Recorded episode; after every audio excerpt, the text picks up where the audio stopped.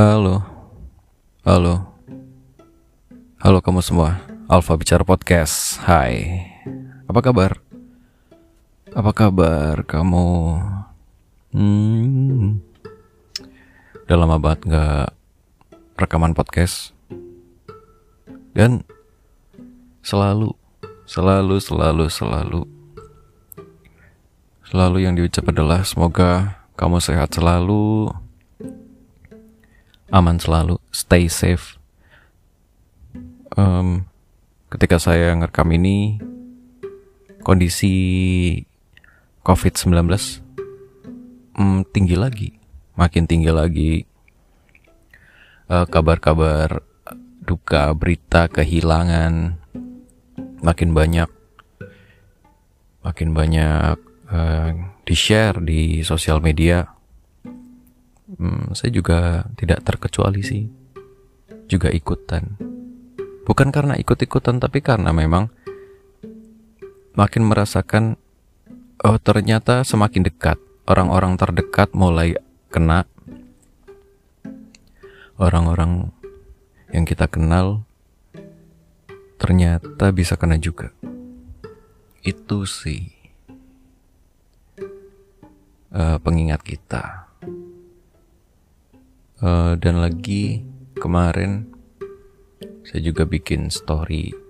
Ya percaya apa enggak itu udah nggak penting sekarang. Yang penting respect aja. Uh, saling jaga diri emang. Kalau lagi disuruh pakai masker ya pakai. Disuruh vaksin ya vaksin. Uh, karena emang beberapa orang yang saya follow teman ada yang juga bukan teman mungkin. Itu ngomel-ngomel mulu kerjaannya tentang konspirasi inilah apalah gitu. Ya bosen bos. Udah udah bukan udah bukan waktunya kayak gitu lagi sih. Kita ini udah sama-sama jenuh bukan bukan kamu aja yang punya masalah dan bukan kamu aja yang mungkin bingung gitu ini bener nggak sih vaksinnya? Ini eh, flu biasa apa flu bohongan sih kayak gitu? Ya kan bukan kamu doang tapi orang lain juga. Cuma beberapa yang lain kan menanggapi itu dengan biasa aja. Hmm, saya sebenarnya nggak nggak merencanakan merekaman apa sih. Cuma ini hari lagi free saya lagi nggak jualan um, sekolah juga lagi libur tapi ya masuk beberapa jam gitulah. Uh, jadi banyakin istirahat habis istirahat kok pengen rekaman jadi rekaman. Hmm, sebenarnya sih banyak banget hal yang pengen diomongin gitu di podcast. Dan biasanya keluar kalau lagi motoran di jalan. Wah kayaknya enak nih bahas ini. Atau lagi di kamar kecil. Hmm, tiba-tiba inspirasinya muncul. Terus ketika udah keluar hilang. Tadi apaan ya? Gitu. lupa nggak nyatet. Hmm, banyak banget sih. Dan cuma pengen bahas aja. Dan pengen bahas bukan berarti saya harus jadi expert untuk jadi informan kalian. Informan kamu bukan tapi ya cari bareng. Saya sih pengennya ada feedback. Ada feedback kamu kasih saya link bacaan ini. Saya juga ngulik ini kasih link video atau bacaan juga. Jadi kita mencari titik temu informasi yang ya mendekati benar gitu mendekati tepat. Seperti itu. Karena kayaknya udah ah makin ke sini ngerasa capek gak sih waktu kayaknya 24 jam itu kurang. 24 jam itu kurang banget karena ya kurang. Udah habis kebagi ke ini ke satu kerjaan ke satu proyek apa ke satu fokus terus harus membaginya lagi di beberapa tempat lagi. Eh, kadang saya rasa kurang tapi kadang saya juga mikir mungkin bukan kurang 24 jam itu. Eh, uh, menurut menurut sains mungkin ada ini ya. Apa tuh namanya? Kalau sehari itu lebih banyak malamnya atau siangnya gitu apa tuh? Itu tetap 24 jam gak sih? Tapi kan mempengaruhi banget ya kayak di negara mana gitu. Um, waktu bulan puasa sampai puasanya itu sampai 18 jam atau berapa jam itu kan lama banget. Itu kan mempengaruhi jam tidur juga apalagi kalau misalnya di sini jam normalnya jam 6 itu udah gelap di sana jam 8 malam jam 9 malam masih terang kan agak aneh juga ya buat badan. Tapi ya nggak tahu deh. Saya jadi mikir kadang bukan 24 jamnya yang kurang tapi alokasi um, uh, cara kita menghabiskan waktu dan menit detik itu yang kurang efisien gitu. Um, sebagai contohnya, misalnya di kerjaan yang satu alokasi waktu kita itu maksimal 5 jam. Ya selama 5 jam apa yang harus dikerjain? Ya harus dikerjain atau mau dipretelin lagi satu jam pertama di luar di luar uh, waktu yang dihabiskan buat berangkat itu satu jam pertama mau ngabisin kerjaan apa. Uh, kalau satu jam pertama itu misalnya target ada laporan sekian laporan ya berarti harus selesai. Lalu jam kedua harus uh, berapa lagi nih targetnya apa yang harus dikerjain. Lalu kepotong jam istirahat mau ditakar berapa menit gitu. Kalau aku biasanya uh, nggak kayak gitu sih ya memang bikin to-do list, bikin um, apa yang mau dikerjain hari ini, tapi juga yang lebih penting tuh kalau misalnya ngerokok. Saya biasanya kalau jam istirahat melipir dulu, terus ngerokok dulu. Uh, ngerokok itu saya sambil lihat jam ini mulai jam berapa, saya takar paling nggak maksimal 5 menit lah. 5 menit itu udah. Ya paling nggak segitu. Lebih dikit kurang dikit. Um, ya buat disiplin aja karena karena kalau merokok itu nggak kerasa jamnya. Itu jadi latihan disiplin juga. Kalau buat saya buat buat perokok. Ya gitu. Uh, alokasinya kurang efisien. Tapi yang kayak gitu kayak kaku banget gak sih? Saklek banget. Masa makan harus di jam segini? Ya memang harusnya seperti itu sih kalau misalnya ikut uh, camp militer atau diklat mungkin ya kayak gitu. Tapi kita hidup uh, normal ya bisa aja sih. Uh, kenalanku ada yang juga bisa kayak gitu. Kalau jam berapa itu udah harus tidur. Jam sekian udah harus makan. Dan karena memang disiplin soal waktu itu berpengaruh banget sama kinerja lalu ritme badan. Um, kan kita punya muscle memory. Apa aja yang kita lakuin, caranya gimana, biasanya akan keulang lagi. Uh, contohnya kayak misalnya bangun jam 5 pagi. Itu kalau kamu selalu begitu, ya memorinya akan terbentuk seperti itu. Kamu akan bangun jam 5 pagi terus. Atau tidur jam 9 ya kalau memang kamu sudah terbiasa ya bakalan tidur jam 9 tentu aja uh, nggak baku harus seperti itu ya. Mungkin ada faktor X faktor lainnya misalnya kecapean atau ada acara di luar jam tidur yang harus mengharuskan yang harus mengharuskan. Eh, yang mengharuskan kamu nggak tidur dulu di jam 9 kan bisa aja gitu. Kamu nggak usah membantah dulu sebel kadang saya pengen marah-marah di Twitter lagi tapi kehabisan energi dan uh, kelihatan nggak dewasa nggak sih?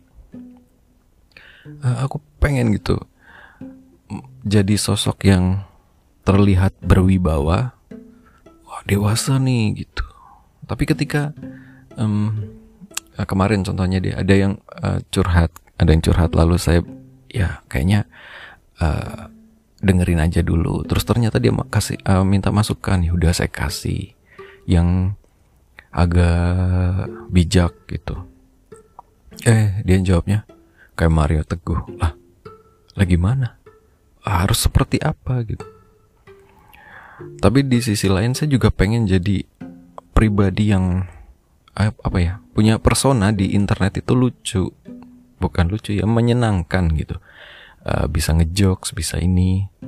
Tapi kadang malah dinilai kamu pikirannya kayak anak kecil banget atau kamu gak ada pikiran yang serius gitu. Atau orang-orang seusia kamu tuh udah mikirnya soal ini apa yang lagi tren lah sekarang kayak gitu misalnya investasi soal uh, keluarga gitu. Nah, kenapa? Emang gak boleh? Sedangkan kadang-kadang orang-orang yang komen seperti itu ya emang follow akun yang misalnya lucu public figure siapa stand up komedian atau komedian siapa gitu. Atau public figure siapa yang kebetulan lucu aja gitu di Twitter. Misalnya kayak Inul atau kayak siapa gitu. Nah dia dia suka kenapa pas aku mau kayak gitu misalnya melucu atau ya santai aja gitu. Kenapa nggak boleh dan di komen kok apa ya? Nggak dewasa. Lagi lagi mana memang memang kita sebagai pribadi tuh saya rasa nggak bakal bisa menyenangkan semua pihak. Ada aja yang ya pasti nggak suka atau ya biasa aja sama kamu gitu. Karena kamu kan manusia biasa. Kita juga man, aku juga manusia biasa, kita manusia biasa, bukan seseorang sosok yang top banget, top notch seperti Cristiano Ronaldo, apa Lionel, Messi atau Nicolas Saputra atau siapa gitu. Kita kan cuma warga negara biasa aja.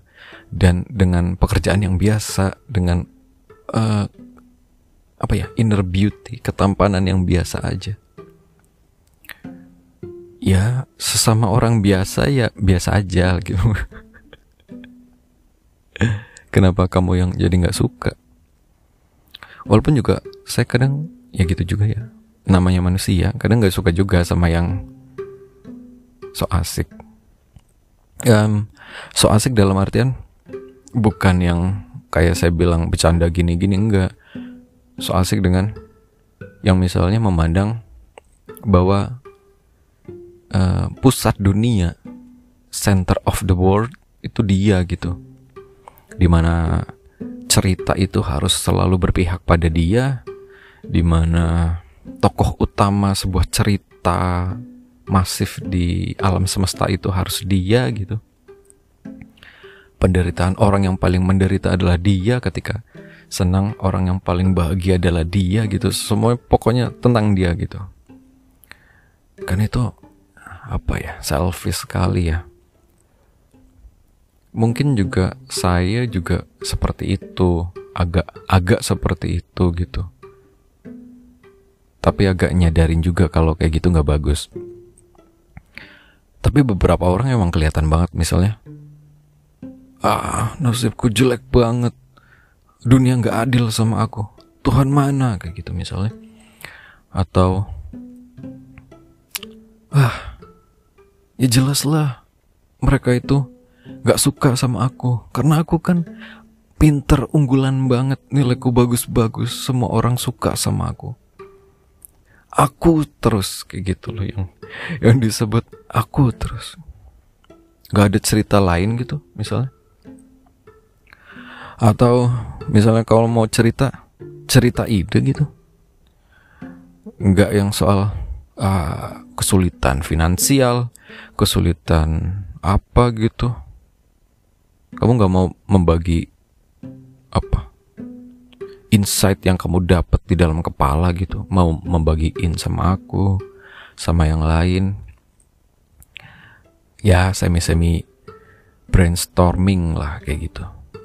Kamu nggak mau kayak gitu? Kamu siapa? Ya kamu deh. Ya memang kita kan bukan pusat uni universitas. Kita kan bukan pusat semesta bukan pusat pusat universe gitu. Kok universitas? Ya kadang respect aja sih. Ya saya saya juga respect kadang. Memang ya faktornya mungkin banyak gitu. Dan saya juga kadang uh, mengalami melakukan hal seperti itu. Ya saling menghormati. Kadang orang mengeluh di sosial media karena memang dia merasa nggak ada tempat yang paling aman selain cerita ke sana. Nggak ada tempat cerita lain misalnya teman curhat atau uh, pacar atau istri suami kayak gitu. Tapi kadang yang nyebelin kayak gini kalau misalnya udah berkeluarga udah punya istri udah punya suami kenapa kamu masih cerita di sosmed? Dan biasanya kenapa kamu nyeritain kejelekan pasanganmu di sosmed? Hah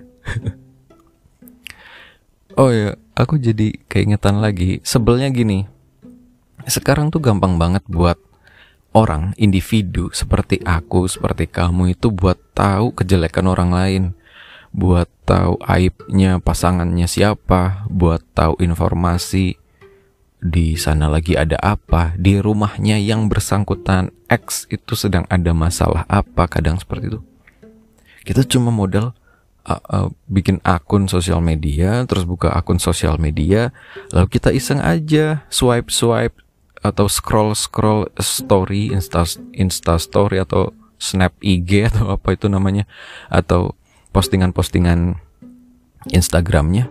Kadang-kadang kita bisa dapat cerita ini buat gibah saya jadi tahu padahal padahal saya lagi iseng nggak mikirin apa-apa. Emang nggak pengen mikirin apa-apa lagi duduk aja sambil santai ngopi ngerokok.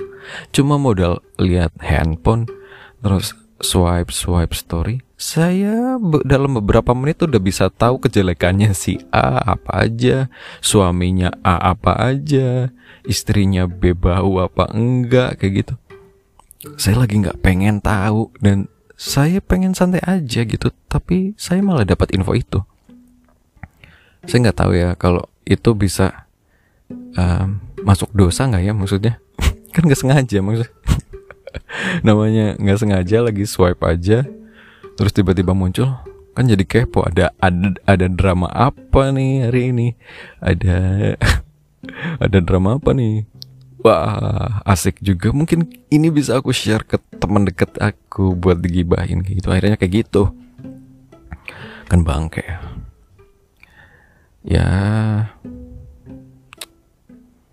Ya. Kita harus bisa nahan diri kali ya. Ini udah terlalu aneh. Era yang terlalu aneh. Ya memang informasi um, akses uh, buat uh, peluang kesempatan akan sesuatu. Misalnya il, uh, tentang ilmu atau uh, mencari keuangan eh mencari keuangan mencari uang itu itu bisa terbuka dengan luas gitu. Tapi memang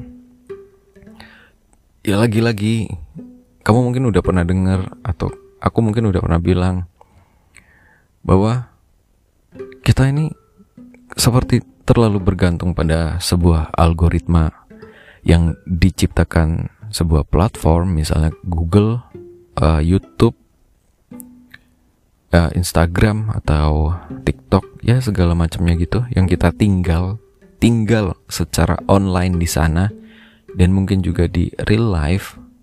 Karena into banget ke sana kita jadi bergantung apa yang kita dapat hari ini informasi apa itu sangat bergantung sama algoritma itu.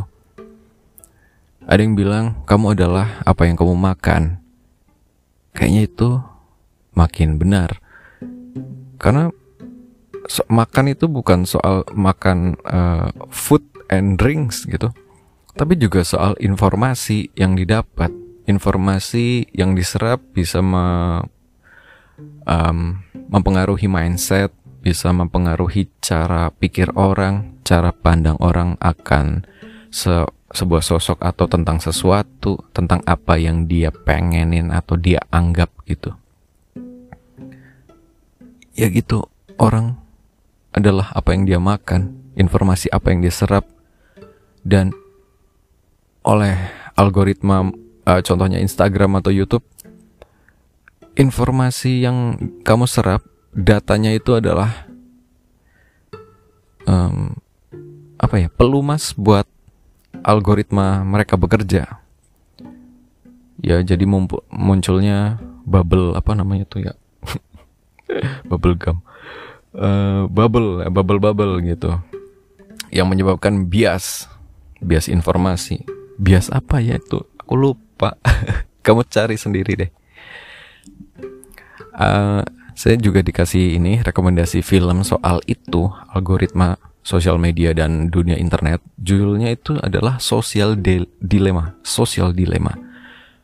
Itu menceritakan tentang bagaimana algoritma ini semua bekerja, bagaimana kita yang sudah dipengaruhi hidupnya dengan ini. Jadi saat bergantung banget dengan internet.